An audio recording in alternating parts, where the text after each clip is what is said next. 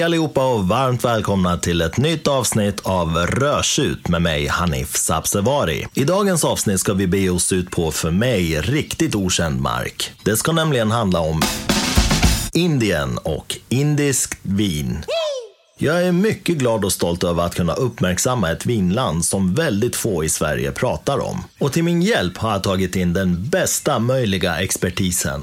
Hon är inte bara en superintelligent och driven entreprenör som i tidig ålder tog sig från lilla Karlstad ut i den stora världen. Hon är även utbildad sommelier och har drivit ett eget vinimportbolag. Hon var även ansvarig för allt vin som serverades i samband med Nobelfesten 2007. Men det kanske mest imponerande som hon har lyckats med genom sitt utanför lådan-tänk är att hon har placerat Indien på den globala vinkartan. Hon är sedan en tid tillbaka delägare i Sula Vineyards som är den största indiska vinproducenten. Om detta och mycket därtill ska ni få höra henne själv berätta i programmets hittills längsta avsnitt som idag är uppdelat i två delar. En intervjudel och en del där vi testar tre viner från just Sula Vineyards. Så slå er ner framför brasan med ett glas schysst rött i handen och häng med på en magnifik resa med dagens gäst. Cecilia Oldne. Cecilia, varmt välkommen till Rörsut. Superkul att ha dig här. Kul att vara här, Hanif. Här sitter vi i landet som älskar italienskt vin framför allt, men också en hel del franskt vin. Tveksamt om jag känner till någon annan som har tagit upp det här med indiskt vin i Sverige. Jag kan vara den första, i alla fall podden i Sverige, som har ett sånt här avsnitt och det är jag väldigt glad över. Ja, vad kul och tack att jag får vara den första att berätta om indiska viner för dig. Det är ju fantastiskt. Ja, alltså jag kommer inte på någon som är bättre lämpad för det här än vad du är. Så att det här ska bli så kul att dela med sig. Jag är jättetacksam och glad för att du är här, att du tar dig tid. Jag tänker att vi kickar igång och lite så här CV. Vem är du och hur började allt och hur har du hamnat här? Ja, jag eh, är ju då från Karlstad från början. Eh, och Eh, där bodde jag fram till jag var 15. Sen flyttade jag till Stockholm, Göteborg, eh, London, eh, Nice, Dakar i Senegal och så vidare. Men jag gav mig in då i vinbranschen när jag var cirka 20 år gammal och det var då i Stockholm som jag först jobbade med ett företag som, som var de första att ta in sydafrikanska viner efter apartheiden. Så den här mannen som startade, Johan Zetterberg han var en entreprenör och är fortfarande en entreprenör, men väldigt så i, inom vinbranschen. Eh, och, eh, eh CV, jag tänker det är intressant, mer relevant då inom vin, vad det är jag gjort för någonting, så är det ju då att jag jobbade eh, för det här vinföretaget ett tag, men insåg när jag jobbade med eh, Opifex, som de då hette, att jag måste ju då kunna mer om eh, eh produkten än, än den personen som, som jag säljer vinet till. Och då bestämde jag mig för att studera eh, till sommelier. Och det gjorde jag på Vinkällan eh, i Stockholm. Och eh, sen när jag var klar så körde jag vidare ett tag då med det här företaget. Men sen startade jag då eh, mitt eget företag. Och, och eh, ja, sålde viner till Systembolaget och importerade viner främst från Sydafrika, eh, Argentina, eh, Mexiko, Brasilien, Chile och så vidare. Eh, och det var superkul och spännande och jag lärde mig en hel del. Men eh, eh, kände efter ett tag att Sverige var lite för litet. Jag hade mycket spännande uppdrag med bland annat Domain Wines, Vin och Sprit, Arvid Nordqvist. Eh, jobbade och var ansvarig för viner på Nobelfesten 2007. Eh, men som sagt eh, eh, kände att Sverige var för litet och, och ville se världen och göra mer och, och bli en person som folk lyssnade på i ett utvecklingsland. Hur ledde det fram till vin? Allting så här. Hur var du som barn eller i din, i din ungdom? Alltså, var det någonting som drog dig därifrån redan tidigt till vinet eller kom det här senare? Dels så, så eh, får jag nog ge min far lite cred där för att han har alltid varit en eh, finsmakare och älskat viner och vi reste eh, istället för en andra åka till eh, vet, Kanarieöarna så åkte jag och pappa och familjen med mamma naturligtvis, mina två bröder. Vi åkte på eh, resor genom Europa och stannade till på vingårdar i Italien och chateaus i Frankrike och så vidare. Och det gjorde jag redan när jag var fem, sex, sju, åtta, nio år. Men, och, och, vad som händer då, skulle jag nu vilja säga, att man, man, man, man, man ser ju den här vackra världen. Det är ofta väldigt vackert, men vi fick ju inte prova vinerna nu, vi var i den åldern. Men, men mamma och pappa de köpte ju alltid med väldigt mycket vin tillbaka till Sverige.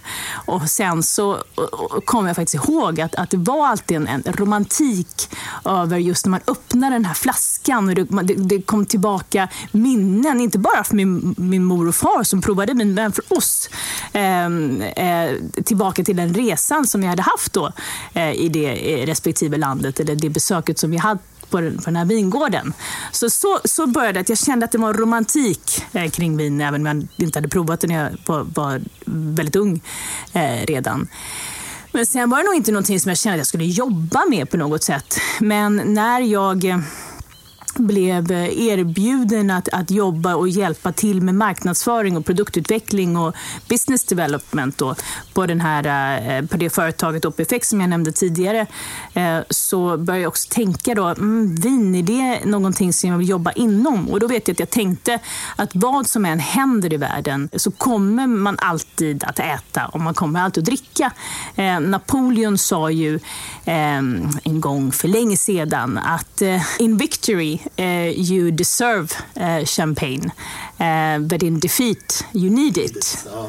Så det är ju någonting som, en, en quote som jag känner väldigt mycket för. Och när jag tog det här beslutet, vad det är jag ska jobba inom, så kände jag att vin eh, kommer man aldrig dricka, vad som än händer.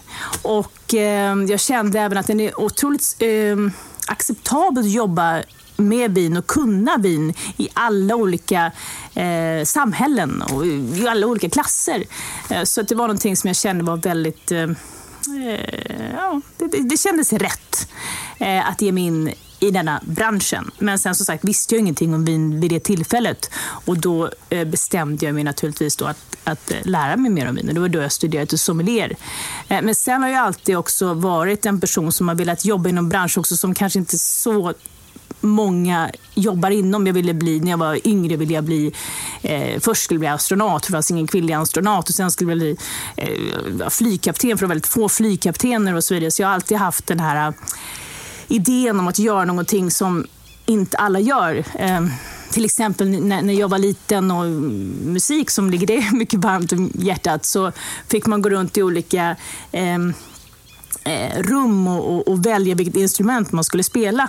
Eh, och och eh, det var många instrument som jag tyckte var intressanta, men det som ingen valde var cello. Och därför, som jag då som var minst och, eh, och man kanske inte då rekommenderade att just cello är det instrumentet jag skulle välja, det var det jag ville spela för det var ingen annan som, som valde just det instrumentet och då var det extra intressant för mig.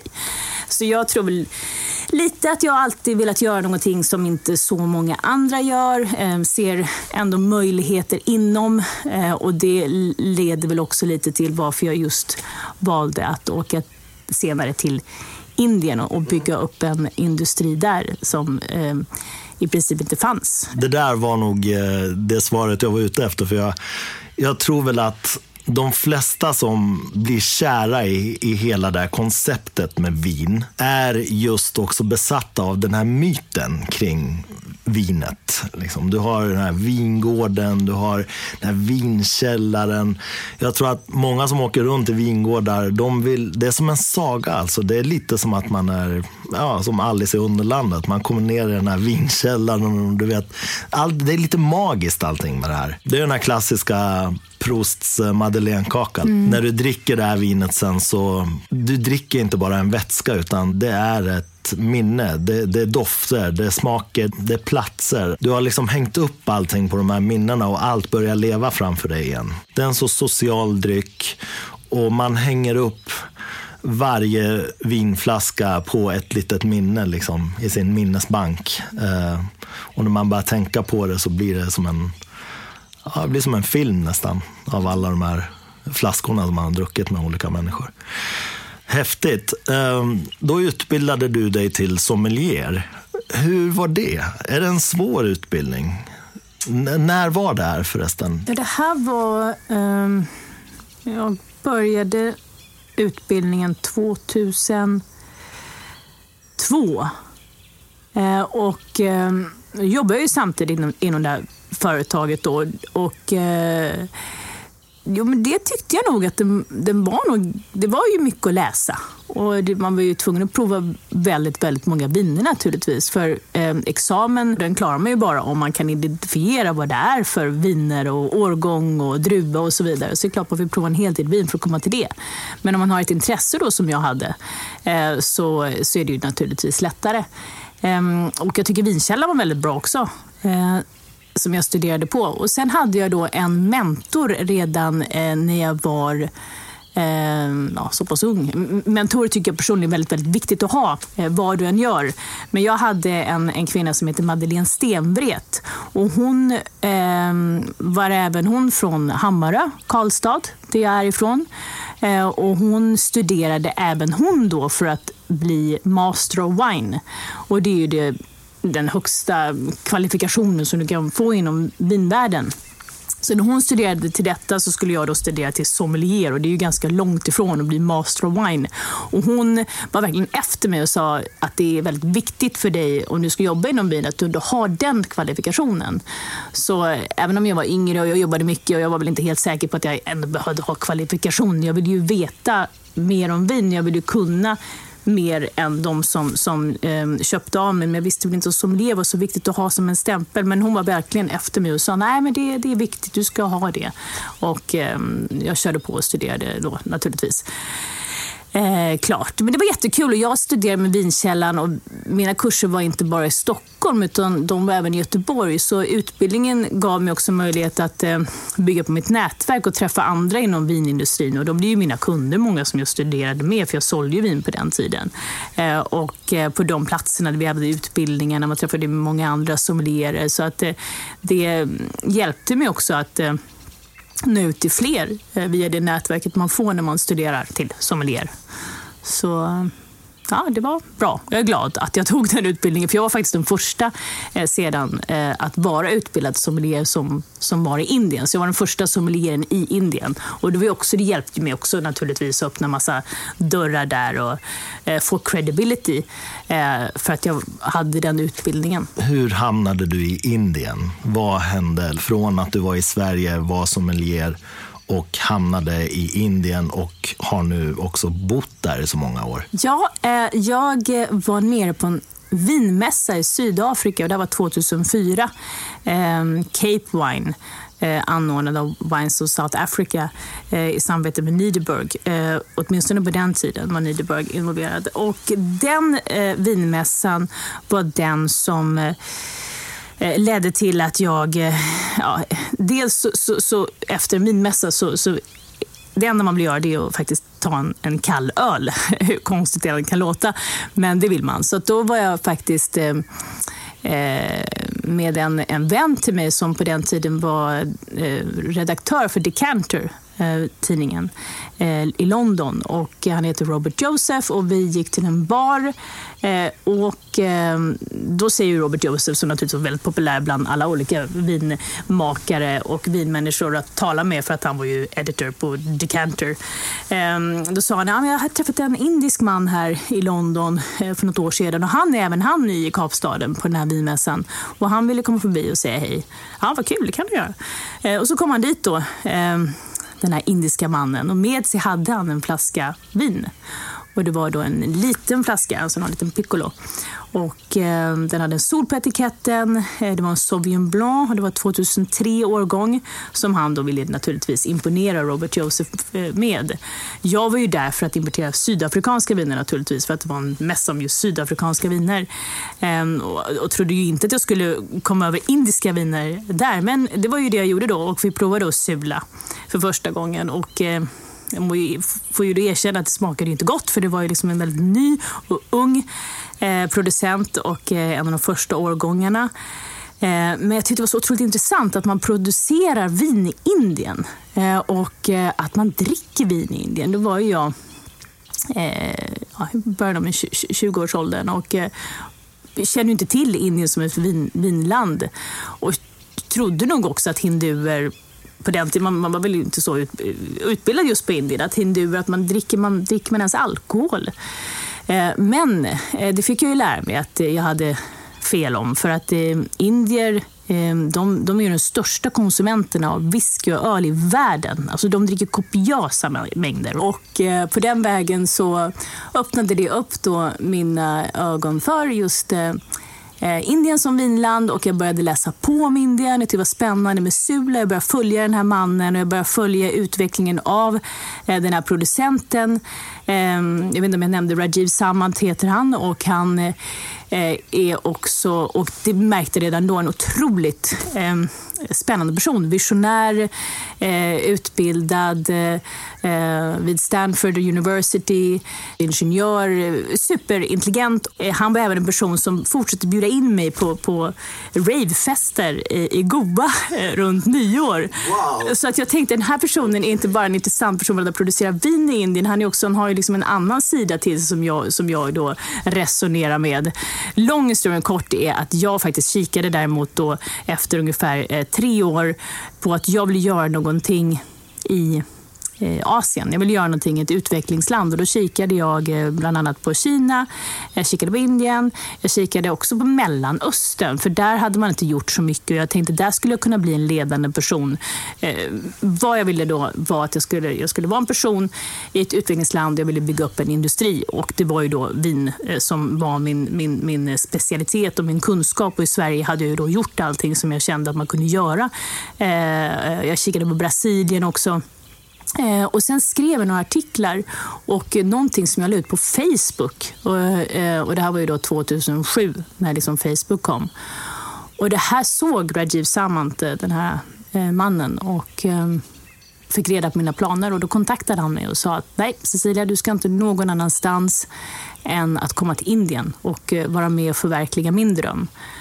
Jag hade ju aldrig varit i Indien, eh, men kunde ju inte då tacka nej till den möjligheten eller få vara med eh, och bygga upp då ett vinföretag och en industri i, i vad, vad jag förstod ändå är en av världens snabbaste växande vinmarknaden med otrolig potential. Vilken story! Hur länge har du jobbat på Sula nu? Ja, så jag åkte ner 2007, var då aktiv, eh, byggde upp företaget fram till 2017. I slutet av 2017 så tog jag ett beslut att göra eh, mer och då idag delägare i, i vingården Sula Vineyards. Men jag är ju kvar i Indien, pendlar mellan Mumbai och Stockholm nu. Men du, så här, kanske något känslig fråga, men det, jag kan ändå inte låta bli att ställa den här frågan. Hur, hur är det att vara kvinna i en sån här ändå relativt mansdominerad bransch och i Indien? För mig är det en sån här måste-fråga för att jag tycker det är så häftigt. Hur, hur ser du på det? Vad är dina tankar kring det?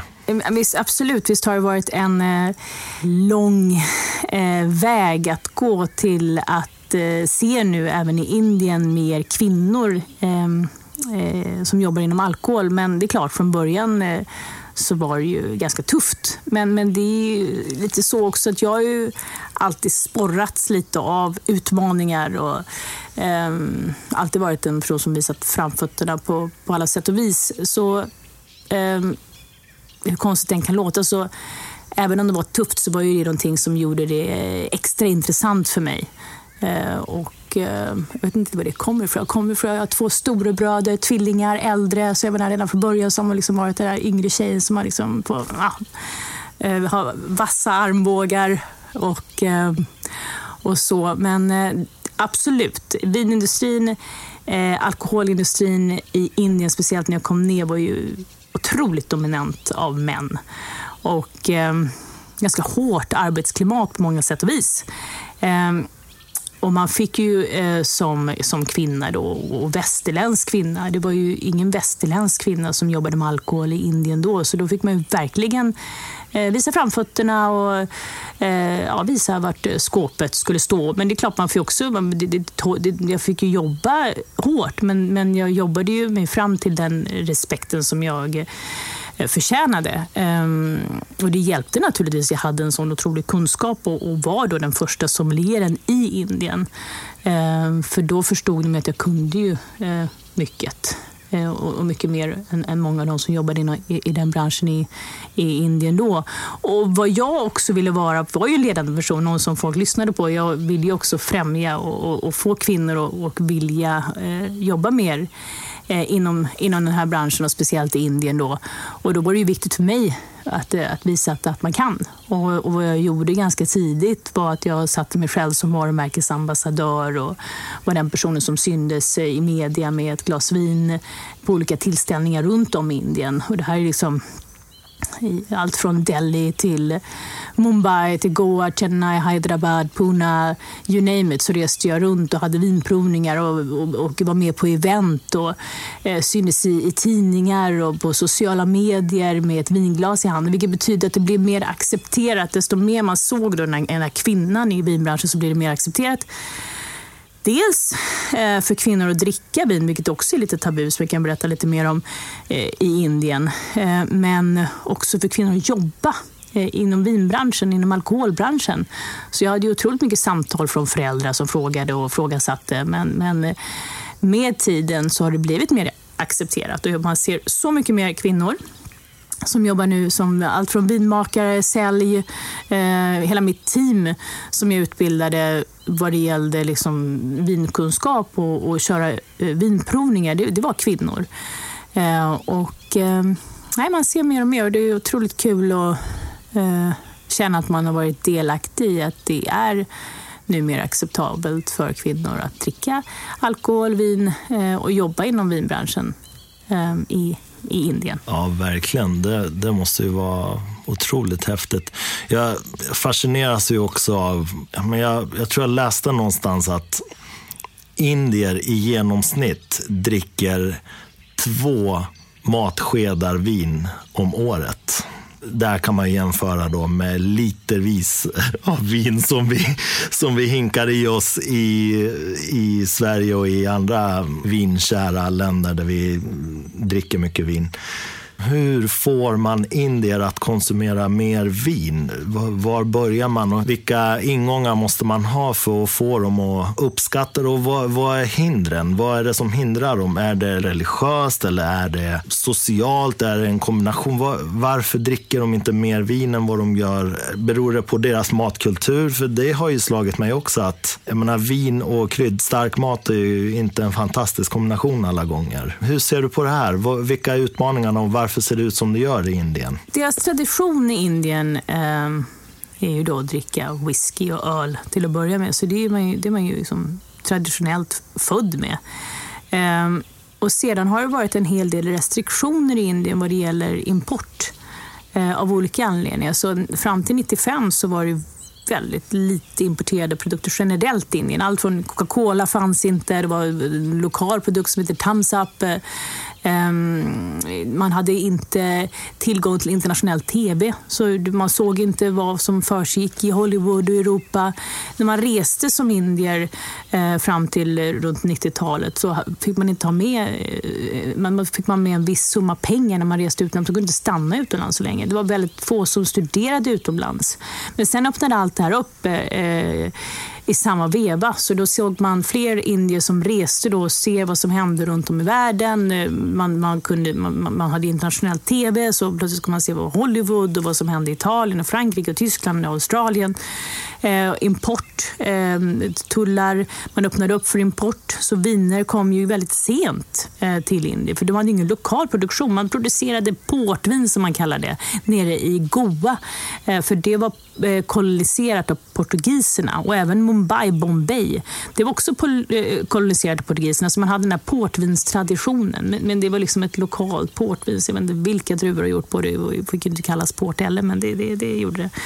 Ehm, så det var mycket av de, de, de anledningarna. Och sen så eh, nämnde jag ju just det här med kvinnor. Att alltså kvinnor har alltid varit lite tabu eh, för kvinnor. Det har inte ansetts däremot sofistikerat för, för just kvinnor att, att dricka någon typ av alkohol. Inte heller whisky eller öl.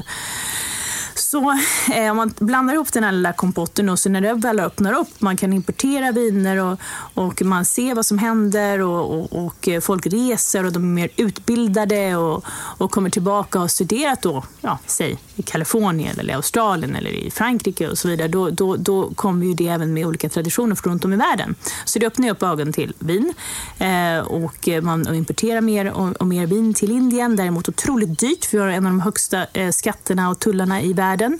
Eh, man börjar då med lokal produktion och försöker få till det, men det var inte så lätt att få till det. Sedan var det då 2000 som, som då Rajiv Samad startade Sola Och det tog otroligt lång tid bara från att få licens och dra igång en vinproduktion, men efter många om fick han det. Ehm, och ehm, däremot då i Indien så har man ju så mycket restriktioner. Eh, vi har 29 olika stater och alla olika stater har olika Eh, lagar och regler och det är otroligt svårt att marknadsföra alkohol. Så för att få sen folk att lära sig om vin, det är ju liksom en uppförsbacke eh, eh det. Så nu frågar då, eh, hur gör man för att då marknadsföra vin? Jo, då startade vi då på Sula eh, eh, vinturism i Indien. Så vi öppnade upp vår vingård för besökare. Och då kunde vi prata om Sula Vineyards, vi kunde prata om vingården. Eh, och vad jag även drog igång när jag kom ner var att jag startade en musikfestival. Så att då fick jag promota och tala om den här musikfestivalen som jag nämnde, som jag, som jag då döpte till Sulafest. Eh, och det betyder att den här eh, festivalen bjöd jag också då naturligtvis in mycket spännande människor från hela världen som, som eh, spelade och jag bjöd in journalister. Det var mitt fokus, att bjuda in över 100 journalister. Ja, först, inte först då, där 312 personer som kom och det var ju mest family and friends. Eh, och, men, men, sen så blev det väldigt mycket fokus att bjuda in journalister från hela Indien och de pratade om Sulafest och Sulafest och eh, det var naturligtvis om, om, om, musikerna men det var ju hela upplevelsen. Eh, så det var, vi, vi fick otroligt mycket ehm, media ehm, eh, respons då, och positiv runt musikfestivalen Sula.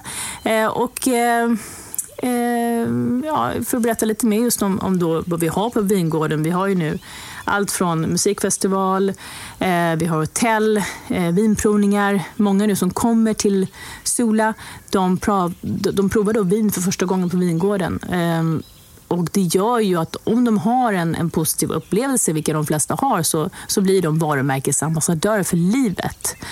Eh, och lite kul är ju då att idag så är vi Eh, den mest besökta vingården i Maharashtra. Eh, Sula då, mm, vingården den ligger då i Nasik och det är eh, tre timmars bilresa från Mumbai, Bombay. och det är idag vinhuvudstaden i Indien, the wine capital of India. 40 av landets 60 vingårdar ligger där. och vi är inte bara den mest besökta vingården eller mm, turistattraktionen i Maharashtra eftersom inte är religiös, men vi är även den mest besökta vingården i världen. Så förra året så hade vi 420 000 besökare. Och det är ingen annan som kan slå oss på fingrarna där. Nej, nej, verkligen inte. Men jag tänker att det är också egentligen kanske det bästa sättet att göra på i en sån situation som ni faktiskt har gjort. För att, jag menar, den bästa reklamen man kan få är ju när, ja, ursäkta uttrycket, men vanliga människor så att säga har upplevt någonting som de genuint tycker om. Jag Menar, om en person bara säger det till tio personer och de tio säger det till tio personer och så, ja, då är ju snacket igång och då behöver man, det är ju den bästa marketingen egentligen som, som man kan få. Ja men absolut. Och sen så vad folk gör när de kommer till vingården är ju inte bara att, att berätta för andra. Men vi har ju lagt upp, vi har ju, vi har ju props eh, på hela vingården och otroligt vackert vid en sjö. Så folk kommer dit, ju, alla tar ju selfies. Det är ju liksom, alla tar bilder och lägger upp och visar vad de är och det är ju vackra bilder och det är vet, vingårdar och otroligt mycket bröllop och så vidare där naturligtvis. Så att eh, vår sociala media outreach på grund av vad vi gör på vingården är också Eh, mycket, mycket bra, så att säga. Ehm, så att vi, visst, vi är väldigt restriktiva till vad vi kan göra för att eh, prata om vin och alkohol i Indien. Men då får man ju tänka out of the box vad det gäller då experimental marketing, vinturism och så vidare. Och så startade vi även något som heter Sula Sessions eh, där vi hade då liveband och musiker runt om i Indien och det var alltid i association med då, ja, Sula Sessions, it says it all. Otroligt smart. Det är nog, eh, tror jag, vad alla marketingexperter om de hade varit riktigt smarta hade föreslagit att man gör. Det är ju enda sättet egentligen om man politiskt och av lagar styrda restriktioner inte kan göra mer reklam för en verksamhet och en brand så får man ju ta de kryphål som finns. Och det här kan jag känna när du pratar om det är ju också väldigt smart sätt om man tänker på själva kulturen. För det är ju i mångt och mycket en väldigt social och upplevelsebaserad kultur. Så att det är väl väldigt eh, smart sätt att få dit folk. Men är det mer indier som kommer dit eh, eller är det mycket också eh, från, alltså folk från andra länder? Till början var det ju i princip bara indier. Men eftersom det nu har växt som det har gjort och också Mumbai har blivit en stad för eh, olika businesses eh, och eftersom man har mer västerlänningar i Indien så har ju det också ökat vad det gäller besök från västerlänningar. Många som åker till ja, Mumbai och vad ska man göra? Ja, tre timmar bort finns en eh, ja, vin, vingårdar och då kommer man upp för det. Eh, och sen att det är fler västerlänningar som jobbar i Delhi, jag menar i Pune som inte så, ligger så långt därifrån. Och vi, har, vi har ju allt från SKF, mycket svenska företag, ABB, Scania, eh, Hennes Mauritz, eh, Ikea. Vi har ju 1,4 miljarder människor i Indien. Så för oss är ju indier fokus. Och vi exporterar visserligen eh, Sola till 30 länder och det är jättekul och det är bra och viktigt att vara ett internationellt varumärke. Men vår strategi är ju ändå att då fokusera mest på de länderna utomlands också där vi har mycket indier för då kommer ju marknadsföringen tillbaka till Indien. Ja, och det låter helt rimligt. Det är ju en ganska stor andel av hela världens befolkning som bor i bara det landet. Så att jag förstår ju att ni riktar in er på den inhemska marknaden. Men alltså för, för någon som bara tänker utifrån på, på indisk mat till exempel. Det är ju väldigt kryddstarkt och det är väldigt liksom färgstarka rätter. Eh, alltså kan det finnas en viss problematik med att kombinera det med vin då som man gärna kanske inte ska dricka till så stark mat? Eh, och hur, hur gör ni liksom konceptmässigt? Är, är det mest att ni vill få indierna att konsumera vin överhuvudtaget till att börja med? Eller har ni liksom olika steg av bordsvin, vardagsvin upp till eh, fine wine så att säga? Hur, hur jobbar ni där? Vi har ju en, en, en eh, bred eh, range av eh, viner för att vi vill nå ut till en så stor målgrupp som möjligt. Så allt från viner som kostar säg ehm, 20 kronor flaskan till viner som kostar 300 kronor flaskan. Ehm, men eh, för att ta ett steg tillbaka och hur, hur indier konsumerar alkohol. Ehm, 20 år 20 år sedan, så, fortfarande majoriteten, de dricker Eh, väldigt mycket mm, whisky och öl, men ja, även mer och mer vin naturligtvis nu. Men de, de dricker inte till maten, de gör inte det. De, de dricker, om man kommer till, till en eh, bjudning så ska man alltid tänka på att man har ätit middag till att börja med. För de serverar inte mat det första de gör, utan de serverar väldigt mycket alkohol. Och eh, de tycker om att dricka. Eh, men maten serverar de precis innan man ska gå hem. Och då dricker man vatten. Eh, så att det är ju inte den här äh, äta mat och dricka alkohol till det. Den traditionen finns ju inte och den har ju vi fått jobba mycket med naturligtvis. Vad passar till och de olika vinerna. Ehm, och för att ens komma in eh, liksom kunna, kunna, kunna vara ett alternativ till, till mat så, så började vi att producera viner som var lite sötare. Som har en högre fruktsötma. För, för om du äter någonting som är starkt och det brinner i munnen. Det enda du vill, eller helst ska, göra då, det är ju dricka någonting som är sött eller äta någonting som är sött. Eller ta en sockerbit helst, om det brinner verkligen. Äta en het chili till exempel. Så, så genomgående så skulle jag säga att indiska viner är lite sötare. Eh, sen har vi på Sula gått mer och mer ifrån det för att vi vill ju också matcha all typ av mat. Eh, den, eh, nummer två är i Indien på matfronten kinesisk mat och sen så nummer tre italiensk mat. Men det är otroligt mycket italienska restauranger. Vi har en italiensk restaurang på, på, på vår vingård bland annat. Eh, så att eh, då kan man inte dricka ett sött vin till en, liksom en italiensk eh, ett antipasti eller något liknande. Så våra viner är, eh, vi har Sauvignon Blanc som är snustorr eh, och vi har eh, en Zinfandel som är liksom lite, lite mer frukt, har en högre sötma. Så vi har otroligt mycket olika. Och, och vi har tre olika rosé. En som är, har tre gram socker per liter, så en, torr rosé. Och sen har vi en som är på, på, på, på 12. Så, men när jag kom ner, då hade vi en rosé som var på, på nästan 25. Så den var ju supersöt. Alltså sliskigt. Eh, men vi har, vi har fortfarande liksom, vi har ändå en som är 15 fortfarande, som är liksom för liksom entry level. Eh, för det tycker de yngre om. Eh, och, och, och, vissa indier tycker fortfarande om. De vill ha, de vill ha ett sötare Eh, vin, eh, sötare karaktär. När man kommer att prova vin på vår vingård, det som säljer mest för, för, att, för, för att förstå den indiska paletten, det är vårt dessertvin. Så man får prova då fem olika viner, Sauvignon Blanc, säg, Riesling, eh, en, en eh, Shiraz, Eh, rosé, grenache, eh, ja, jag tänker bara säga, liksom, vi har ju massa olika eh, typer av vinprovningar.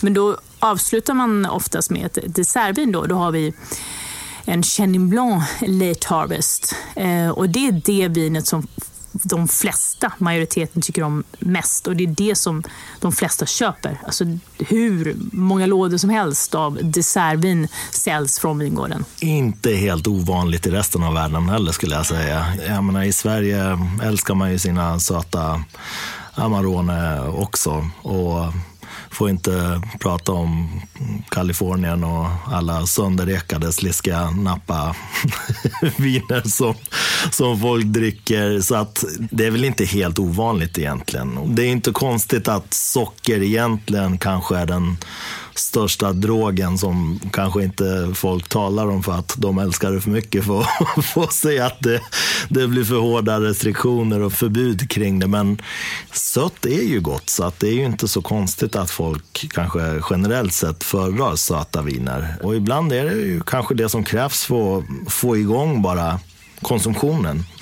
Jag vet inte hur mycket du kan berätta om det här, men, men jag är ju också väldigt intresserad av själva mm, så här, vad jag kallar marknivån på, på vinet. Alltså vingården, rankorna, höjden. Jag vet inte hur mycket du kan berätta, du kanske inte är jättenära den delen av, av produktionen, men som jag har läst mig till har ni ju väldigt, väldigt mycket mark som ni odlar på. Utspridda som jag förstår då. Hur gör man där när, när det historiskt sett kanske inte finns en historia att luta sig emot. Med, jag tänker också med fat och, och, hur funkar det där? Har ni liksom importerat fat från Frankrike och från USA? Eller hur, hur funkar den nivån? Vi kan ju börja ehm, eh, med att jag berättar lite om, om var, var vi är någonstans. Då. Så, eh, Nasik som jag nämnde tidigare, det är, det är då eh, 200 eh, kilometer nord öst om Mumbai. Så det är liksom på den västra delen av Indien. Eh, och eh, eh Många tänker ju oh, Indien är så varmt och där kan man väl liksom inte producera vin. Men eh, våra vingårdar, man åker upp till vingården så åker man igenom något som heter, något som heter Western Ghats som är liksom berg. Eh, och sen kommer man till en relativt hög nivå. Så våra vingårdar ligger åtminstone i Nasik, sen har vi andra vingårdar även nedanför i Karnataka runt Bangalore, men vi pratar om Nasik nu. Och det är 600 meter ovanför havet. Ehm, det är ett ganska torrt klimat. Och under vin odlingsperioden så är det, det är varmare dagar, ja det är det. Så det är 25, kan gå upp till 30 grader.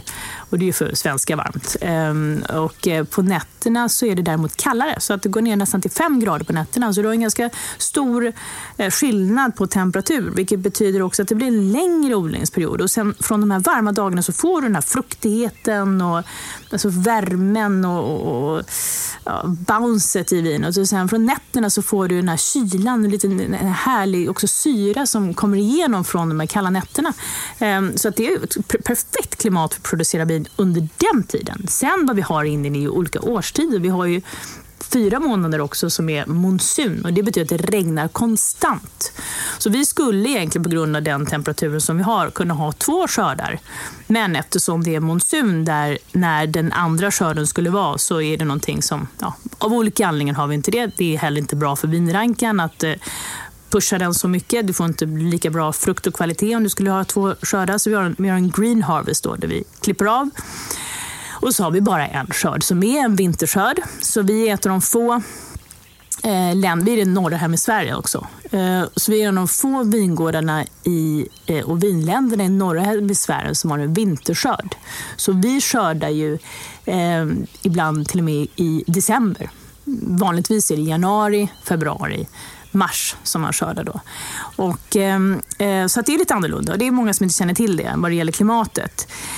Eh, sen har ju vi otroligt eh, mycket vingårdar. Mm, det hade vi inte från början. Och, och, vad som har varit en eh, utmaning för oss det är att utbilda bönder om hur man producerar, hur man odlar vin och vindruvor.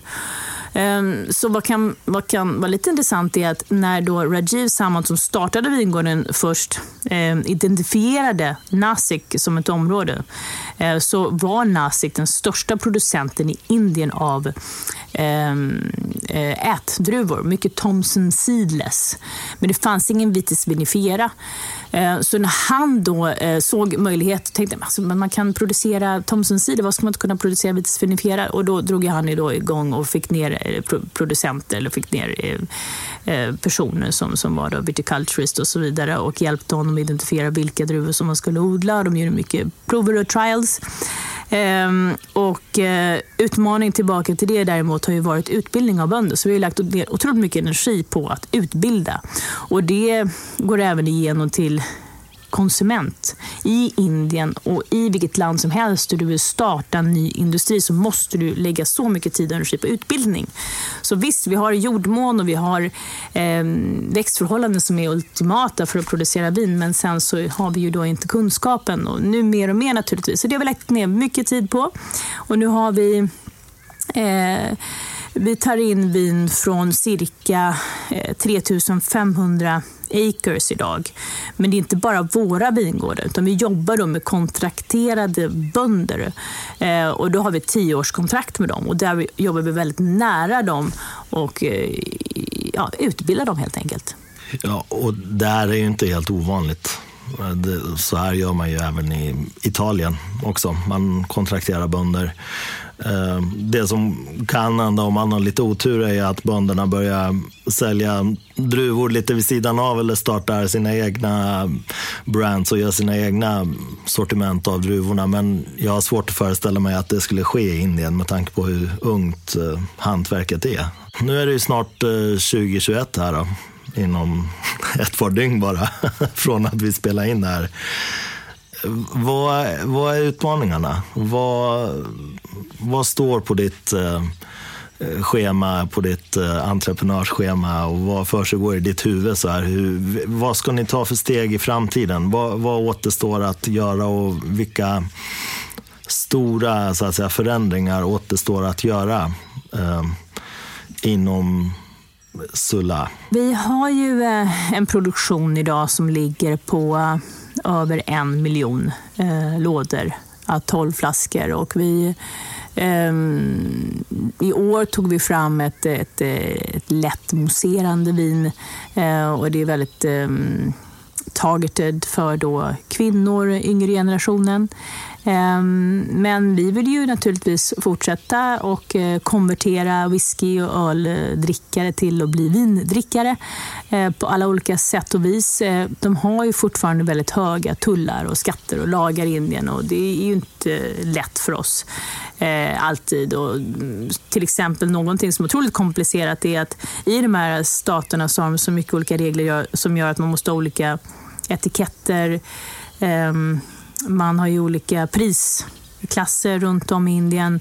Vad vi fick göra eh, för några år sedan var eh, för att man även betalar en tullavgift från, eh, säg Maharashtra, där vingården ligger, till Karnataka, till staten som eh, ligger lite längre bort.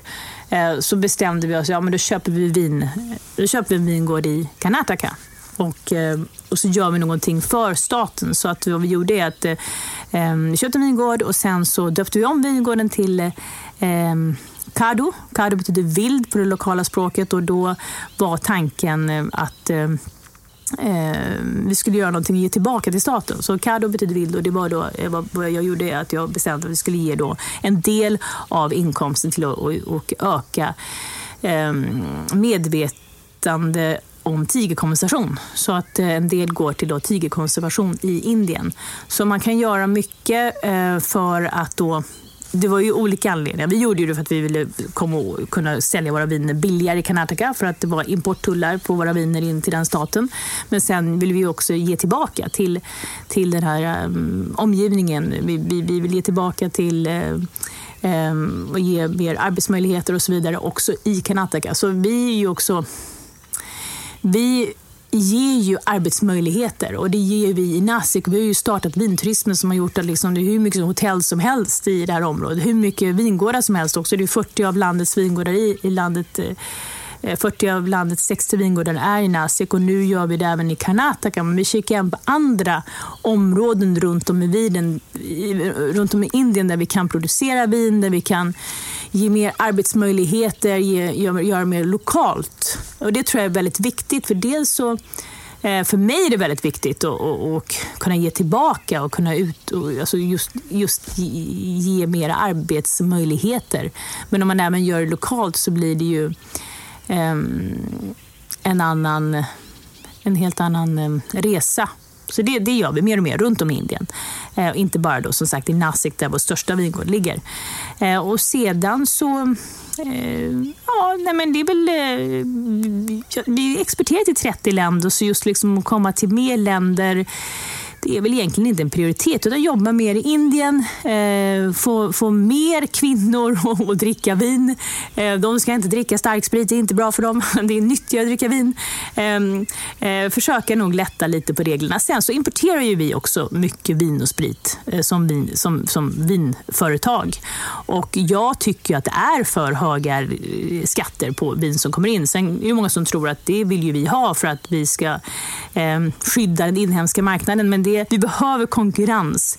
Eh, och eh, då har vi, ju ett, ett, vi har ett samtal eh, om ett EU-India Free Trade eh, Agreement här där åtminstone eh, viner som kostar över sig 5 euro CIF, de ska ha en en lägre importtull. Så att det ska inte vara så jävla dyrt att dricka Sasikaya i Indien. Det är inte kul. Jag bor till viss del i Indien. Ehm, även jag vill ju dricka, jag vill inte bara dricka indiskt vin. Eh, som, som du förstår. Det förstår jag absolut. Om det är något jag förstår så är det det. Nu är ju ni störst. Hur ser det ut konkurrensmässigt? Finns det någon annan som försöker i Indien eller är det Sula som är de största och det är bara ni som bedriver den här verksamheten på den nivån? Jag startade eh, tillsammans med Danny Skast i något som heter Asian Wine Producers Association och det gjorde jag för att eh, jag tycker att man ska, är man ett ungt vinland eh, eller en vinregion som, som vi fortfarande är så är det väldigt viktigt att man jobbar tillsammans. Och det, så känner jag att det är i de flesta branscherna. Um, och det kan ibland vara ganska svårt, för det är många som säger att man ska inte dela med sig, man ska inte berätta vad man gör, men jag tror, jag vet att det är, det är det man ska göra, för det är då man verkligen kan växa. Så för oss som, som ett vinland och, och, och som, var, och, som är nu en ledande producent så är det också väldigt viktigt att man är, vi kan inte, vi kan inte bara vara en, för det är inte bra för oss. Vi behöver konkurrens eh, och vi behöver växa tillsammans, vi behöver lära oss av varandra. För då, kan vi, då växer vi som industri. Eh, och då får vi mer eh, konsumenter. Eh, så vi eh, gör det.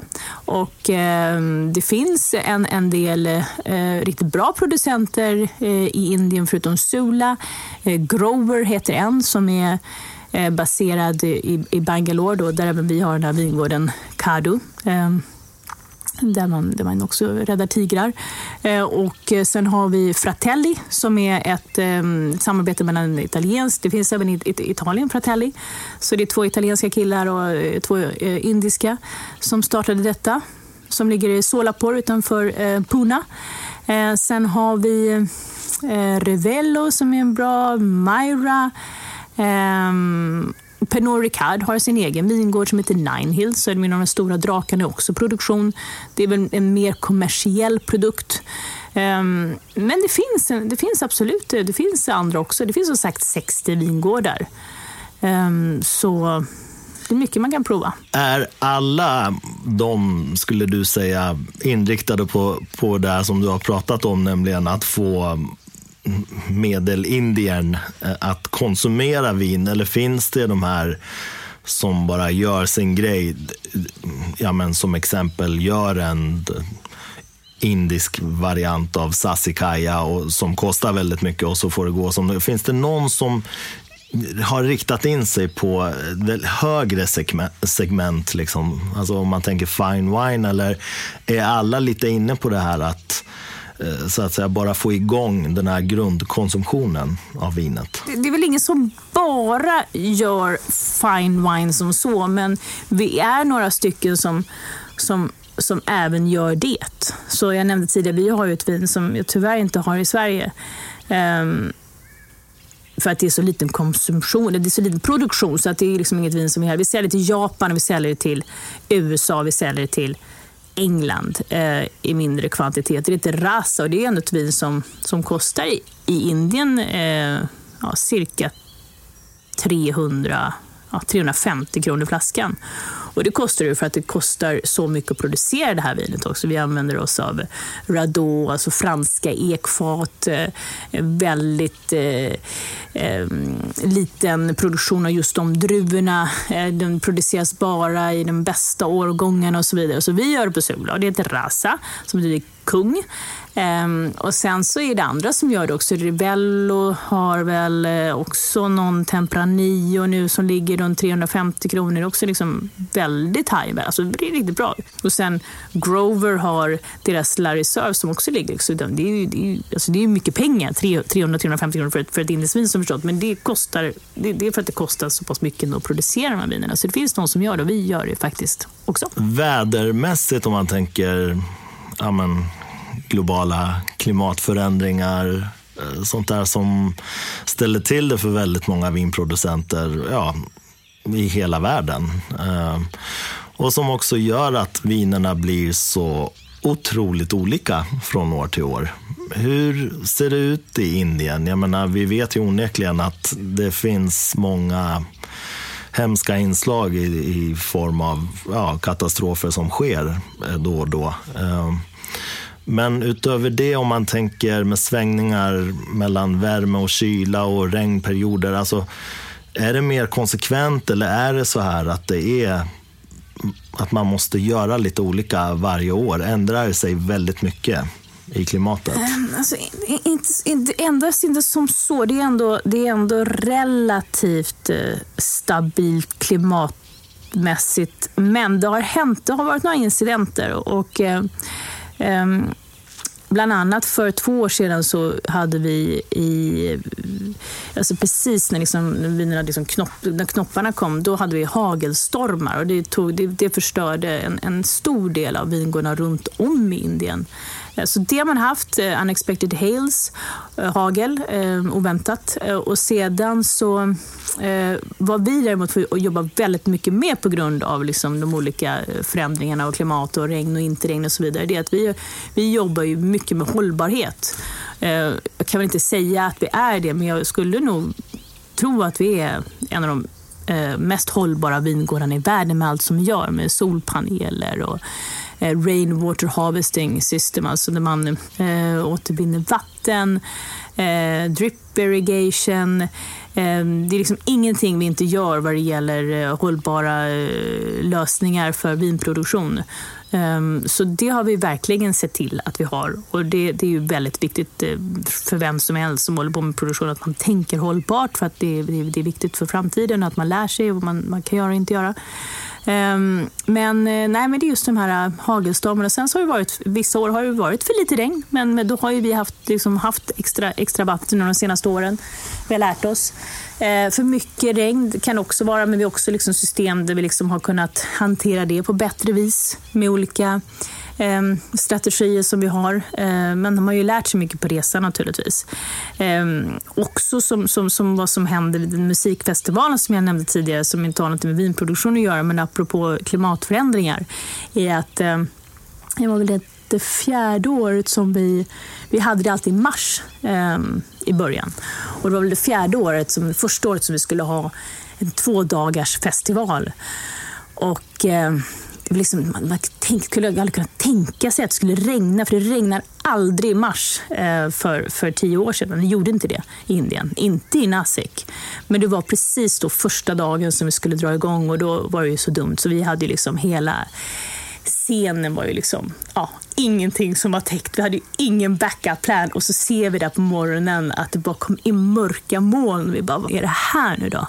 Och vi hade ju ingen backup-plan, så det var ju bara total katastrof naturligtvis. Vi hade liksom sponsorer, vi hade ju allt vad det är naturligtvis som, som inte var så där vansinnigt glad. Men då fick man hitta möjligheter, så vi hade ju då restauranger, olika delar, vin in. Vi hade någon som spelade inne i någon källare och någon annan som spelade inne i någon restaurang. Men liksom, vi kunde inte använda scenen. Ehm, den liksom, det var ju bara bye bye. Ehm, för då, då, regnade det. Då, då, då kom det ordentligt regn också. Ehm, och du vet alla stånd som vi hade naturligtvis med alla liksom som, hade, som hade liksom skulle sälja grejer. Det var, det var, ja, men man lärde sig av det. Så nu har vi den alltid i första veckan i februari eh, istället då, eh, för i mars som vi hade i början. Jag känner att jag har fått väldigt mycket information här. Jag vet inte, känner du dig nöjd? Känner du att du har fått berätta allt du har, du har velat berätta eller känner du att jag har missat någonting? Nej, men jag känner mig väldigt nöjd. Ja, men vad bra, vad kul.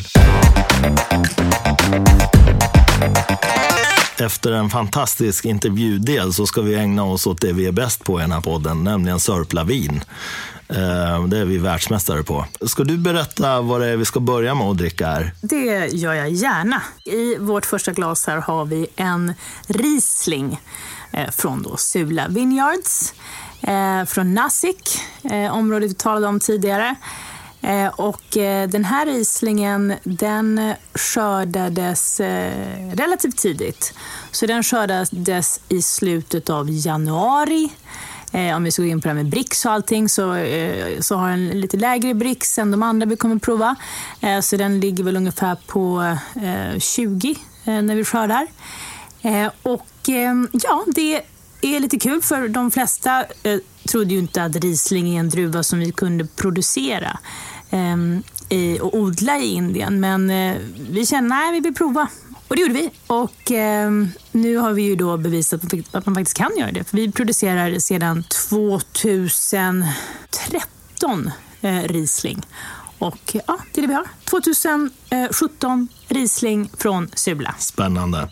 Ska vi dofta lite först då? Mm. Känner du några toner? Det är lite kul för du provar ju nu indiskt vin för första gången? Ja, ja, verkligen. Det här är premiär för mig. Första gången jag doftar på ett indiskt vin och strax ska dricka ett indiskt vin. Eh, det här doftar ju precis eh, som det ska. Doftar väldigt trevligt. Det man får är ju den typiska mm, eh, petroleum, Riesling petroleum väldigt kalkig är den. Väldigt mycket kalksten om man ja, tänker så. Och så mycket stenfrukt. Det är mycket päron, det är gula äpplen. Och ja, en del mineralitet, men det, det är ju också det kalkiga i det. Vad, mm, ja, vad säger du? Ja, men jag håller med. Du, you're, you're spot on, eh, skulle jag vilja säga där. Vad härligt. Ja, men ska vi testa dricka lite? Ja, det ja. ser jag fram emot. Ja. skål! Du, ja, men skål! skål. Vet, vet du hur man säger eh, skål i Indien Nej, sedan det måste du berätta. Eh, ett tag tillbaka? Man säger sula. Ja, såklart. Sula. sula.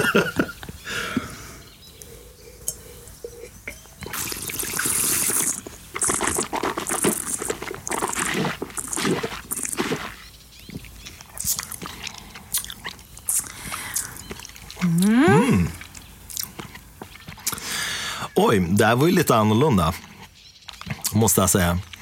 Vet du vad den första smaken är som slår mig? Nej. Nu har ju inte du varit i Sverige på ett tag, eh, men jag tror att du kommer känna igen det här. Fläder? Nej. Nej, jag bara gissar. Nej, det finns en sån här... Svenskt.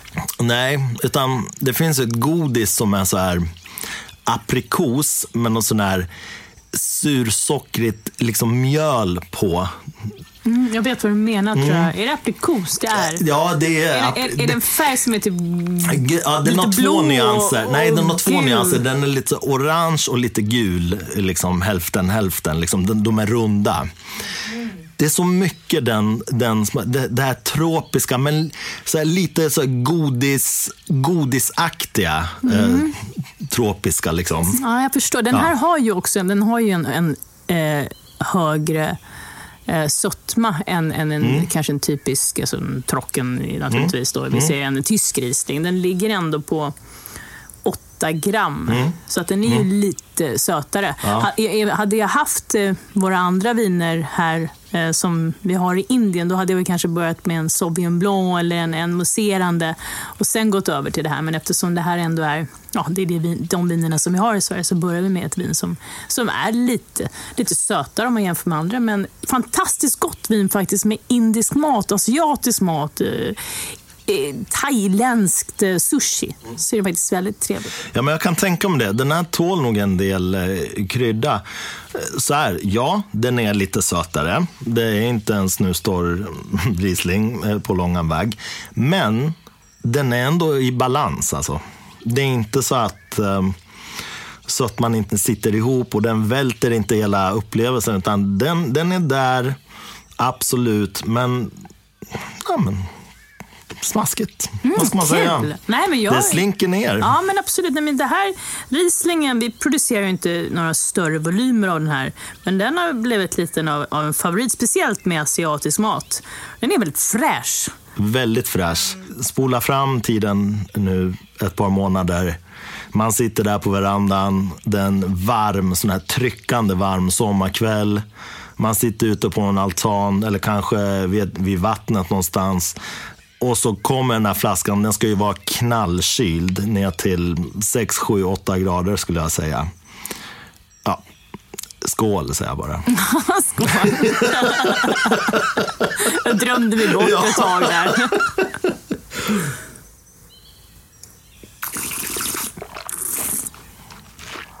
Mm. Ja, mycket trevlig. Eh, och det här säljer vi naturligtvis i Indien då, eftersom det är vår fokusmarknad. Men till och med vår importör som är baserad i Tyskland har importerat den här. Så det säger en hel del. Och eh, den har också varit väldigt populär i, eh, bland våra kunder i England. Ja, men alltså att tyskarna skulle gilla det, det förstår jag. Alltså, Riesling är ju ja, det är deras, en av deras paradgrenar. Och, och jag tycker liksom sötman är ju inte alls störande. Det är snarare så att man är lite imponerad över syrligheten.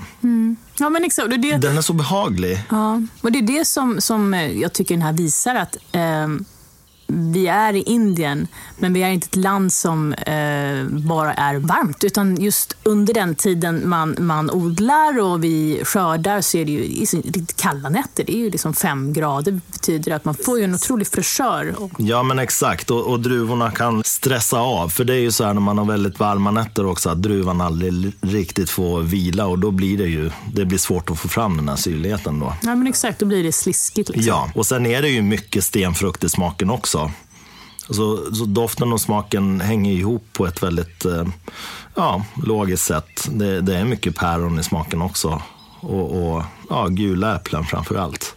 Och en del gröna äpplen också. I och med att den är syrlig så får man ju lite så här eh, Granny Smith. Ja, men exakt. Ja. Granny Smith, det går nästan åt, över lite limehåll där Ja, också. Man får exakt. den också. Exakt. Men mer exakt. grön lime, inte citron, utan mer liksom Nej, grön exakt. lime. Ja, absolut. Ja, men det här var läckert. Mm. Och, och nu är det ju så här, här, den här podden heter ju Rörsut då, så att det är ju kanske någorlunda störande för, för vissa att vi sitter och dricker vitt vin.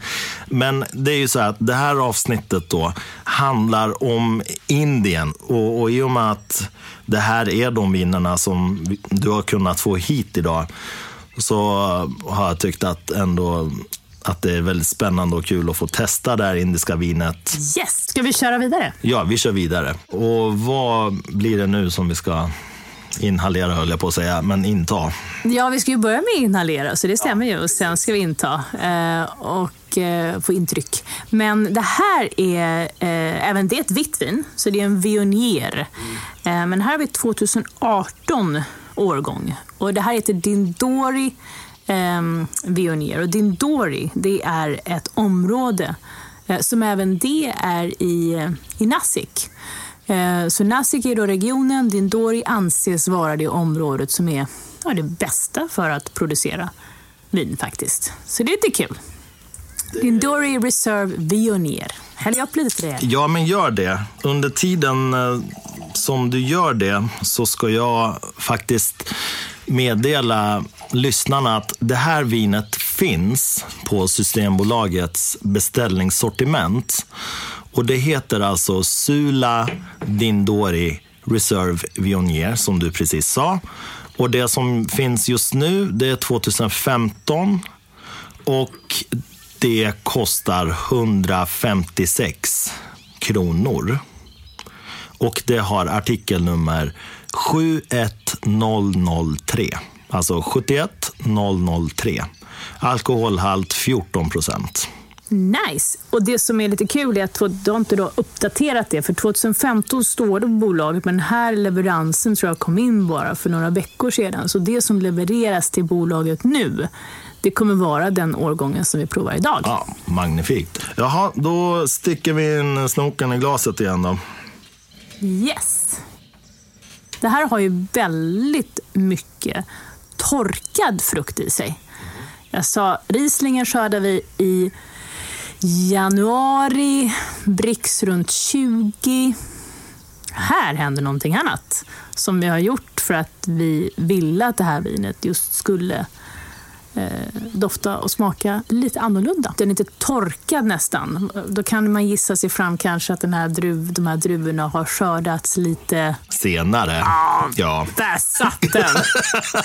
du var så otroligt så pedagogisk. Hade jag sagt fel där, då hade jag bara behövt lägga ner den här podden totalt. Alltså min, min trovärdighet hade sjunkit ner till botten. Den, den är ju liksom, det är lite torkad frukt. Liksom. Så att ja. de här druvorna är ju skördade senare för att få lite av den karaktären som man är ute efter mm. just i det här vinet. Men eh, det här, de första intrycken jag får då, väldigt örtigt. Mm.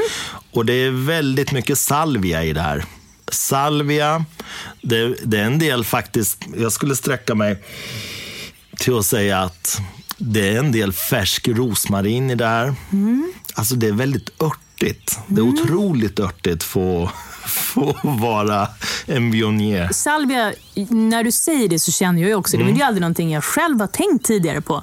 Men det beror på om man sitter i Indien, så salvia är ju någonting som knappt finns i Nej. Indien. Så Nej. då har man ju aldrig liksom relaterat till det där på så, på så, så sätt. Men absolut. Visst är det örtigt? Det är väldigt örtigt. Ja, men ska vi dricka också och se vad som händer? Ja, men det tycker jag. Ja, då säger vi Sula igen. Sula.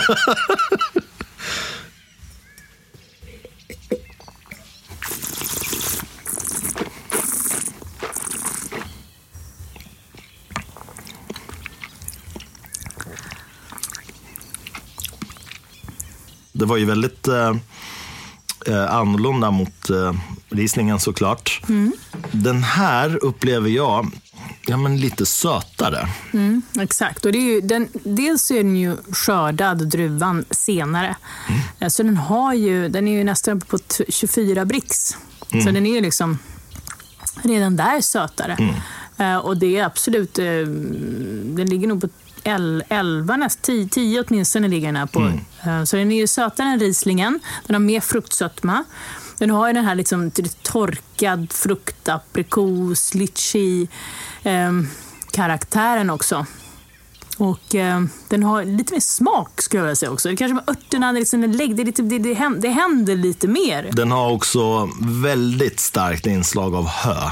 Hö, gräs. Den är, den är lite stallig sådär. Just det. Ja, det är, det är spännande associationer du har som inte jag har tänkt på. Men, men hör kan jag absolut känna jag med. Den där, eh, de där noterna är ganska vanligt förekommande och här tycker jag att det är så härligt för att det bidrar till någon form av eh, gräsighet till vinet som, som gör att det blir mer spännande än att bara vara sött. Mm, ja, just det. Och jag tycker att det är ändå ovanligt komplext. Mm. Och det är lång eftersmak på det här också. Ja, det är ett väldigt bra matvin också. Ja. Du kan tänka dig till just faktiskt indisk mat. Som de, en indisk maträtt som har så mycket olika kryddor och smaker, de behöver ju ett vin av den här karaktären om man skulle vilja matcha det. Absolut. Det som är så fantastiskt med indisk mat är ju också att de har ju så många vegetariska alternativ. Mm. Det är så Systembolaget, när man går omkring och kollar på hyllorna eller bara läser på nätet, lamm. Allt funkar till lamm. Det är liksom lite stående skämt för mig. Så här, när folk frågar vad ska man dricka där till då? Ja, lamm såklart, gissa. Alltså det är hela tiden den där köttbesattheten. Jag tycker det är ganska jag har själv liksom försökt tänka mer i vegetariska banor eh, den senaste tiden. Och lite så här andra alternativen där, vanliga, du vet, lamm, nöt, kalv. Mm. Det som alltid är. Det finns ju mycket andra maträtter man kan äta till till vin. Ja, ja. Sallad till exempel. Eller du sa ju sushi. Det finns ingenting som säger att man inte kan, ja men nu dricker vi vitt vin här, men även rödvin, att man inte kan dricka rött vin till fisk eller till skaldjur. Det finns gott om röda viner som funkar till ja, både fisk och skaldjur. Absolut. Så um, det här skulle jag nog kunna tänka mig att det funkar väldigt bra till vegetariska rätter också. Ja, men absolut, det gör det. Det finns ju den där indiska osten, panir, men alltså sallader naturligtvis, men gärna med lite hetta i och mycket smak. Eh, är ju det här ett trevligt eh, vin och det har ju lite högre fruktsötma och som jag nämnde tidigare, eh, äter man någonting som är starkt och det verkligen brinner i munnen, då är det otroligt gott att dricka någonting liksom, för att balansera upp det. Mm. Som har lite högre fruktsötma och så måste det ha mycket smak också, annars blir det bara blask. Ehm, så det här är ett, äh, ett trevligt vin till, till asiatisk mat. Ja, exakt. Och i betydligt högre utsträckning ett matvin än det förra vinet som mm. jag faktiskt, min direkta association var just den här sommarkvällen. Ja. Eh, det, här, det här är mer ett matvin skulle jag säga. Ja, ja jag håller med. Mm. Härligt. Och då till eh, lyssnarnas eh, stora glädje så har vi klarat av de här vita vinerna och ska faktiskt till att testa ett rött vin, eh, hör och häpna. Och det här ska ju givetvis bli otroligt spännande. Ja. Så då tycker jag att vi tar och häller upp det så eh, får vi se ja, vad det, det här blir för någonting. från en eh Eh, Eh, dekantös här eftersom det har, så det har luftats lite också nu. Ja, precis. Jag eh, hade ju med min eh, i vindluftare som jag faktiskt har nämnt då i ett avsnitt också och tipsat om. Eh, som är perfekt för sådana här tillfällen när man kanske behöver lufta lite snabbt sådär men ändå hyfsat aggressivt och då funkar den alldeles utmärkt. Det är klart, få saker slår i karaffluftning. Men det här är ju också ett vin, det här är ju viktigt att nämna. Alla de här vinerna är ju på flaskor med korkskruv. Exakt. Mm. Det kanske också är intressant att nämna varför ni har gjort så. Mm. Ja, men det, det, det, tycker jag också. Eh, I början av produktionen så hade man alla flaskor med naturkork. Men eh, av olika anledningar så är naturkork inte eh, ett bra alternativ i Indien. Eh, en orsak är för att eh, kork har ju, det kan ju vara ganska svårt att lagföra ett vin med kork om ni inte har rätt temperatur på vinet. Så om det till exempel fastnar någonstans i någon hetta eller vad det nu skulle kunna vara för någonting så kan det jäsa och det kan bli en massa konstigheter. Så dels är kork väldigt, väldigt svårt och det måste vara naturligtvis rätt temperatur på allt för att det ska vara eh, bra. Men sen så var det även så att i Indien, och fortfarande i Indien, det är inte så många som har en, en, en vinöppnare hemma. Så det var ju många som avstod från att köpa de här flaskorna för att de inte visste hur de skulle öppna dem. Så ja, eh, då bestämde vi oss en dag att nej, vi ska köra alla våra viner med skruvkork. Och det gör vi idag. Eh, så alla är på med skruvkork och det här är ju viner som inte ska lagerföras så länge heller. De vita är ja, tre till fem år, de röda eh, högst tio skulle jag vilja säga. Det är ju viner som ska lagras i 20-25 år, alltså investeringsviner och så vidare, som behöver en naturkork, för där behöver de andas om de ska ligga så länge eh, horisontellt. Men de här vinerna ska ju inte det. Och, eh, vet du nu då? Screw heter det på engelska? Screwcap. Screwcaps. Och på svenska heter det? Skruvkork. Ja. Jag, tror jag, så, jag tror att jag sa korkskruv först.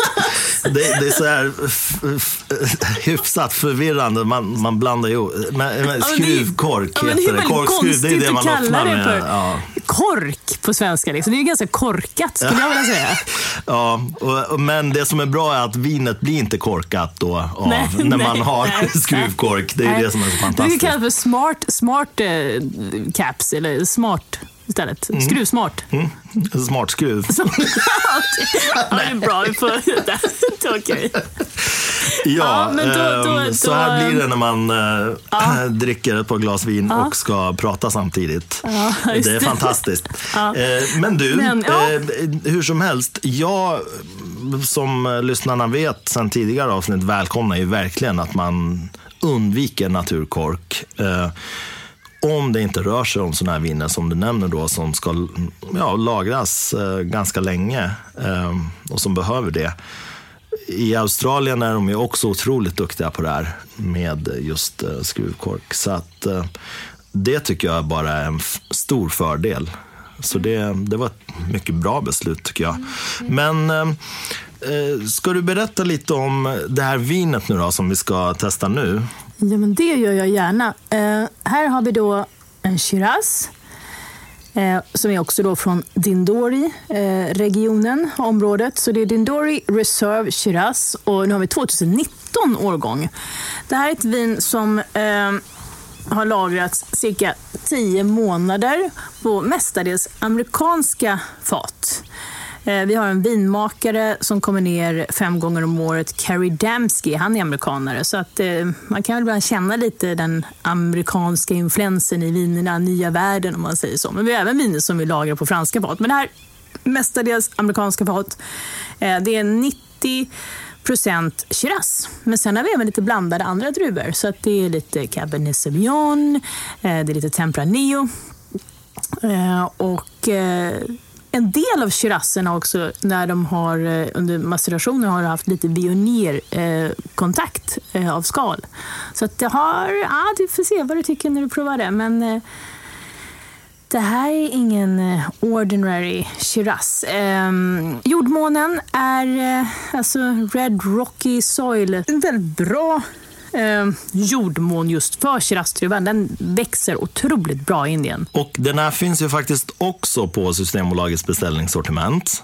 Och då är det artikel nummer 74377. Alltså 74 377 och den kostar 166 kronor. Alkoholhalten är 13,5 procent. Stämmer det eller har det ändrat sig i den nya årgången? Ja, ja nu eh, eftersom att eh, eh, du frågar så, eh, och svenskar ibland tycker att det är lite extra kul så ligger den här faktiskt på 14 procent. Ja, titta. Då så, ännu bättre. Och så 2019 är ju den årgången som kom in med. Eh, Just det. Ja. Att, eh, ja, Men hur som helst så finns ju den här att beställa ja, då. Det är väldigt roligt att den gör det. Det är ju superkul. Mm, vi har en bra importör, Speedy Wines heter de, så de finns att beställa. Och Rieslingen finns ju för restaurang. Så att alla de viner vi provar idag finns ju faktiskt mm. tillgängliga i Sverige. Perfekt. Ja, men ska vi ta och dofta lite till att börja med? Man kan titta lite på det också. Färgen är otroligt mörk. Jag skulle säga att den är... Jag har en viss eh, terminologi eh, som jag försöker hålla mig till för att det ska bli konsekvent. Och den här skulle jag väl säga är eh, semi-genomskinlig plus. Det vill säga den är inte helt grumlig, helt tät. Den är, håller man den mot en vit yta så är den, man ser igenom. Men det är en viss grumlighet ändå. Eh, men den är ju verkligen på gränsen till att vara tät, så att säga. Och sen är den ju, den är ju väldigt mörkröd. Eh, Den är mörk rubinröd, alltså om man tänker med, nästan med lila toner. Ja, ah, just det. Så. Väldigt vacker. Väldigt fint och eh, klar längs kanterna då. Ja, väldigt vacker färg. Känner du någon speciell doft här i den här? Det är så mycket cab i den här. Det är så mycket grön paprika. Det är så örtigt. Eh, det är otroligt mycket alltså, dragon, det är timjan. Ja, det är, det är rosmarin igen. Den har också den här stalligheten igen då och mineraliteten. Lite kalkig också. Och sen har den ju, om man tänker fruktigheten, det är ju det är ju plom, det är mörka frukter där. Det är mörka bär. Det, det, det är plommon, det är blåbär, det är björnbär. Och den är ju rökig också. Eh, Vad, hur ja, men känner absolut. du? Nej, otroligt, otroligt vilket doftbibliotek du har där. Nej, måste jag säga. Nej, men jag, känner, jag känner mycket av det du säger. Jag känner, känner liksom den här lite, lite, lite vitpeppar kommer här tycker jag. För mig. Men det, Ja, då du den, den känner jag. Sen känner jag... Eh, den är lite köttig liksom. Den är väldigt köttig. Ja. Det, det är mycket skärk i den och det är ju Ja. cabben då. Uh, så parmaskinka, Mm. om man tänker, du vet, när man öppnar den här förpackningen så är Nej, säg här- inte så nu. Jag blir jättehungrig. Man öppnar förpackningen, sitter och ja, men det dreglar. där första... Sen har den ju det här lim, limdoften har den ju. Eh, om man tänker lite lacknafta. Den är ju väldigt komplex den här. Mm, ja, men Den verkligen. har hög komplexitet. Nu skulle vinmakaren vara väldigt glad. Det vill man ju som vinmakare att den ska ha Ja. så mycket dofter. Desto mer, desto bättre skulle precis. jag säga. De, de värsta vinprovningarna är när man råkar ut för de här vinerna som här, man börjar dofta och man känner ju spontant ett par, tre, fyra dofter. Sen tar det slut och så sitter man där och man vill ju så gärna så här, hitta mer, men det finns inte mer. Och, och, så här, och så luftar man och luftar och luftar, det händer ingenting mer. så, så är ju inte fallet med det här. Ja, men verkligen inte.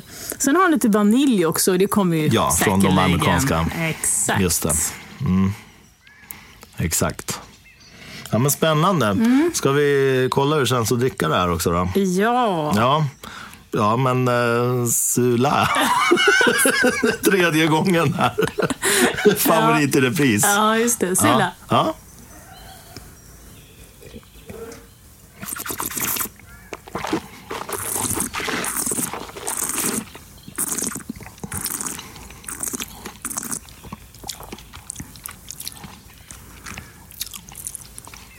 Han är fortfarande mycket tanniner här. 2019, vi är ändå 2020, så den lanserades ju inte allt för länge sedan.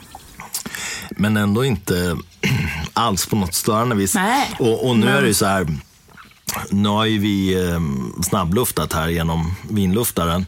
Alltså luftar man där, säg mellan 8-12 timmar, då får man ju fram förmodligen lite mer fruktighet, lite mer sötma. Men kul vin, den är det är ju torrt där och syrligheten är ganska påtaglig skulle jag säga också. Ja. Den har ju den här typiska ehm, långa eftersmaken av, um, av kakao och mörk choklad. Och det är typiskt den här, om man tänker mörka bär har ju alltid den eftersmaken vanligtvis. Mm, absolut. Jag tycker att det är ett ganska stramt vin i smaken. Ja, det är det jag, jag känner ju, det är ju 2019, jag känner ju att det fortfarande är ganska höga tanniner och ibland så behöver man ändå, de behöver lägga sig lite för att frukten ska öppnas upp mer. Eh, Så eh, det här som sagt, vi, här skördas ju mars 2019. Eh, Och sen har ju det legat tio månader. Så jag tänker mera, det, det är ju ganska ungt. Liksom. Det kom ju det kom ju det ganska nyligen det kom till Sverige, så det är ju ett relativt ungt vin. Och för ett sånt här kraftigt vin så mm, tycker jag nog att jag, nej men jag hade nog gärna lagrat det här något år för att verkligen få upp frukten mer. Men det är ju bara, det är bara positivt. Alltså det, det, det, det, är ju, det är ju kul att det har ju verkligen den frukten i sig som klarar av de här tanninerna. Men som betyder att man vill att tanninerna ska försvinna lite mer. De ska liksom lägga sig och ska frukten komma upp mer för att få den här ultimata eh, piken på, på smak. Alltså, den, den har ju två komponenter som skvallrar om hög lagringspotential. Det är ju dels tanninerna och sen den här syran. Jag tror att man kan lagra det här vinet utan problem i mellan i alla fall fem till åtta år. Absolut. Utan problem. Och som du säger tror jag att man kommer få mer, mer av frukten. Däremot så finns det ju ganska många primörälskare där ute. De, Det finns många som gillar det här. Eh, De gillar den här spänsten och fräschören i ganska unga viner. Det finns många som till exempel då får byta land en stund, älskar att dricka unga Barolos, fastän man absolut kanske inte ska göra det. Men eh, jag förstår dem. Det finns en charm i det här. Det finns en ungdomlighet som med tiden går Eh, förlorad när man lagrar vin. Det här för mig är också ett mer renodlat matvin, skulle jag säga. Det här behöver någonting att eh, jobba med. Eh, och här behöver man nog sina proteiner. Eh, man behöver någonting som bryter ner de här primörtanninerna och som grabbar tag i syran, som jämnar ut syran lite grann. Men överlag väldigt elegant och stramt vin. Vad Nej, säger men du om jag, det? jag, jag håller med. Det, det är elegant. Och det här vinet, och det kan ju tilläggas, det är ju faktiskt att det här fick ju 92 poäng av Wine Enthusiast. Och det är inte lätt att få poäng av dem. Det är ju den amerikanska som decanter. Tre på raken som du har liksom rekommenderat som ett av de 100 bästa vinerna. Så det, det, det är ju verkligen det är elegant och det är internationell standard. Vi är väldigt stolta över det här vinet och, och det, vi säljer alltid slut innan, innan året är slut för att det är så mycket, mycket efterfrågan. Naturligtvis i Indien men även från export. Mm. Ja, som sagt i Sverige, USA, Belgien. Vi säljer till och med i Frankrike. Ja. Så att, eh, det säger ju ganska mycket. Det förstår jag. Det här, eh, I Frankrike älskar man också sina primörviner. De, det är många fransmän som dricker Ja, men till och med alltså, bordeauxer som ska lagras väldigt länge dricker de väldigt unga. De gillar det där. De gillar ungdomlighet. Jag, jag förstår som sagt det där. Det finns ju det finns någonting i ett ungt vin som inte finns när det lagras i 20, 30, 40 år. Nej, men så är det absolut. Och så, och så, så här, en lite kul så här, nu när det är Indien-tema. Det är väldigt många som har reagerat på det här. Det finns en not som jag känner i väldigt många viner som en hel del människor inte kan relatera till i Sverige. Men det här kommer vara kul eftersom det är Indien-tema. Ja. Och det är tamarind. Jaha. Ja, Det känner du i det här. jag känner tamarinden här. Tamarind Noterna känner jag oftast mycket starkare i lagrade viner. För det, det kommer liksom med, med åldern. Också när de blir bruna. Det är någonting som uppstår där i den här processen som gör att jag känner så starkt eh, av den här tamarind mm, liksom, smaken. Ja, just det. Men syrligheten i det här påminner väldigt mycket mycket om tamarind, skulle jag säga, redan nu. Och jag tror att lagrar man det kommer det bli ännu starkare. Ja, att det, exakt att det kommer framhävas mer med Ja. lite lagring. Ja, för det, det som är grejen med tamarind, det är att det är inte bara syrligt, utan det har en del av den här som jag kallar stalligheten. Det är inte bara surt. Alltså surt för mig det är någonting annat än syrligt. Ja. Surt det är mer artificiellt och det är mer citron. eh, Om man tänker, det är surt. Men Syrligt det är någonting annat. Det är mer åt citrus. Men det här är inte citrussyrlighet utan det är liksom det är en elegant syrlighet. Och jag, i tamarind så, så finns mycket av det där. Ja, just det. Mm. Ja, absolut. Jag har inte tänkt på just tamarind eh, tidigare. Det, det vill jag erkänna. Men Du är när, när inte du den första som säger det. Men det, jag, så här, jag berättade det här i, i det här avsnittet när vi hade julklappstips. Men min pappa köpte så här tamarindblock till mig när jag var liten. För jag har alltid älskat syrliga saker. Och jag satt ju och bara åt det. Liksom. som det var. Eh, för jag har alltid älskat det. Jag kunde också så här, äta citronsyra bara som det är. Ja, men det, är, är lika, lite lika. Ja, alltså, det ja. är bara det bästa jag visste när jag var liten, citronsyra. Exakt, ja. Oj, oj, oj. Och det är ju, folk kunde ju knappt tro att det är sant, för det är så extremt liksom, syrligt och surt. Eh, så att, men ehm, så den här smaken är ju väldigt levande för mig. Mm. Och jag använder fortfarande tamarind i, i matlagning ibland och kan fortfarande äta det som det är. Mm. Uh, så. Men så en del sånt känner jag. Och sen så är det ju också en del, uh, om du tänker vinbär svarta vinbär. Absolut. Det kommer ju ofta från, från just eh, Cabernet Sauvignon. Men det är ja. svarta vinbär, du nämnde plommon, ja.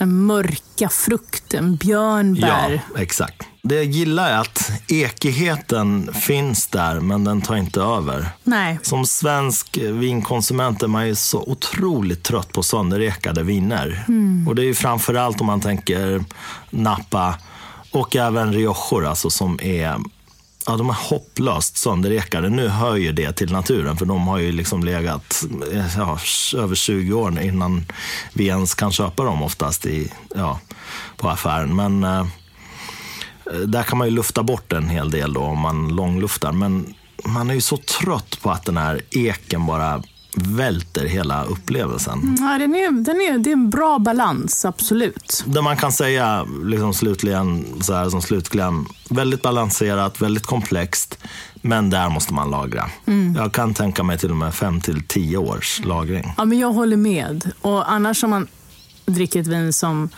detta med så höga tanniner som jag ändå känner att, känner att det är. Inte jättehöga, men då ska man, eller så äter man ju lite parmaskinka med det. Oj, oj, oj. Ja, då blir det en hit. Ja. Då blir det en hit. Ja, nej, men vad kul. Ja. Nej, men det här var ju roligt eh, att du fick prova då ja. indiska viner för första ja. gången ja. i ditt liv. Ja, och jag måste säga, nu, nu är det så här, det här kan ju liksom bli lite konstigt också. Jag kommer säkert få höra det där då. Eh, och jag har ju undvikit den här situationen där jag tar in vin från importörer och sitter och hyllar. Och nu är det ju så här, det här är inte för att du är här. Jag är ju, som folk vet, som följer mig, ganska brutal.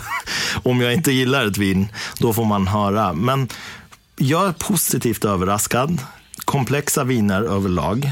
Det finns stor potential i det här tycker jag. Mm. Och jag tycker att ni har någonting på spåren. Ja, det gläder mig att höra. Jag var lite nervös när jag kom hit, men nu känner jag eh, mig lugn igen. Och, och, det skulle vara jättekul eh, om du, eller ja, ni som lyssnar, vill komma ner till Indien och besöka vingården på plats. Absolut. Eh, och kanske komma på musikfestivalen, Sulafest. Ja. Det är ju kul. Då får man ju verkligen tajma eh, två roliga grejer. Så har vi hotell och ja, det händer en hel del runt omkring Indien. Så hör av er om ni vill komma till Indien. Och du har ju liksom röda mattan, Hanif. Det vet ju du. Det känns verkligen betryggande. Ah. Och jag, i en postpandemisk tillvaro så tror jag att eh, det står ganska högt på min lista att eh, ta mig dit helt enkelt och uppleva. Eh, Eh, och för att avsluta det här då, eh, tack för din tid. Tack för att du kom hit. Och eh, det här är ju ett otroligt spännande avsnitt, inte bara för din historia som är så otroligt speciell och unik och fantastisk på väldigt många sätt. Det är ju verkligen en bedrift, det du har lyckats med. Utan även för att uppmärksamma ändå indiskt vin. Det är en marknad på frammarsch. Och det känner man ju här när man smakar det här. Det här är långt ifrån dåligt. Det är tvärtom. Det här är väldigt spännande. Och jag tror att som sagt, ni är någonting på spåren och jag ser fram emot att få testa ännu mer indiskt, indiskt vin framöver. Jag vill tacka dig för att du kom. Hoppas att du tyckte att det var värt det. ja, men absolut. Det här var så kul. Tack för att jag fick komma hit. Och eh, jag har ju hört ett antal avsnitt nu av Rörsut och eh, det är så kul och spännande. Otroligt roligt att få vara, vara med. Jag eh, hoppas att jag får vara med igen. Det är inga problem. Du har också alltid röda mattan rakt in Fantastiskt. Perfekt, men då säger vi för fjärde gången eh, idag så säger vi helt enkelt Sula och eh, avslutar där programmet här och ber att få tacka dig igen och eh, ja, på återseende och på återhörande. Yes, rörsut på röda mattan Sula. Sula.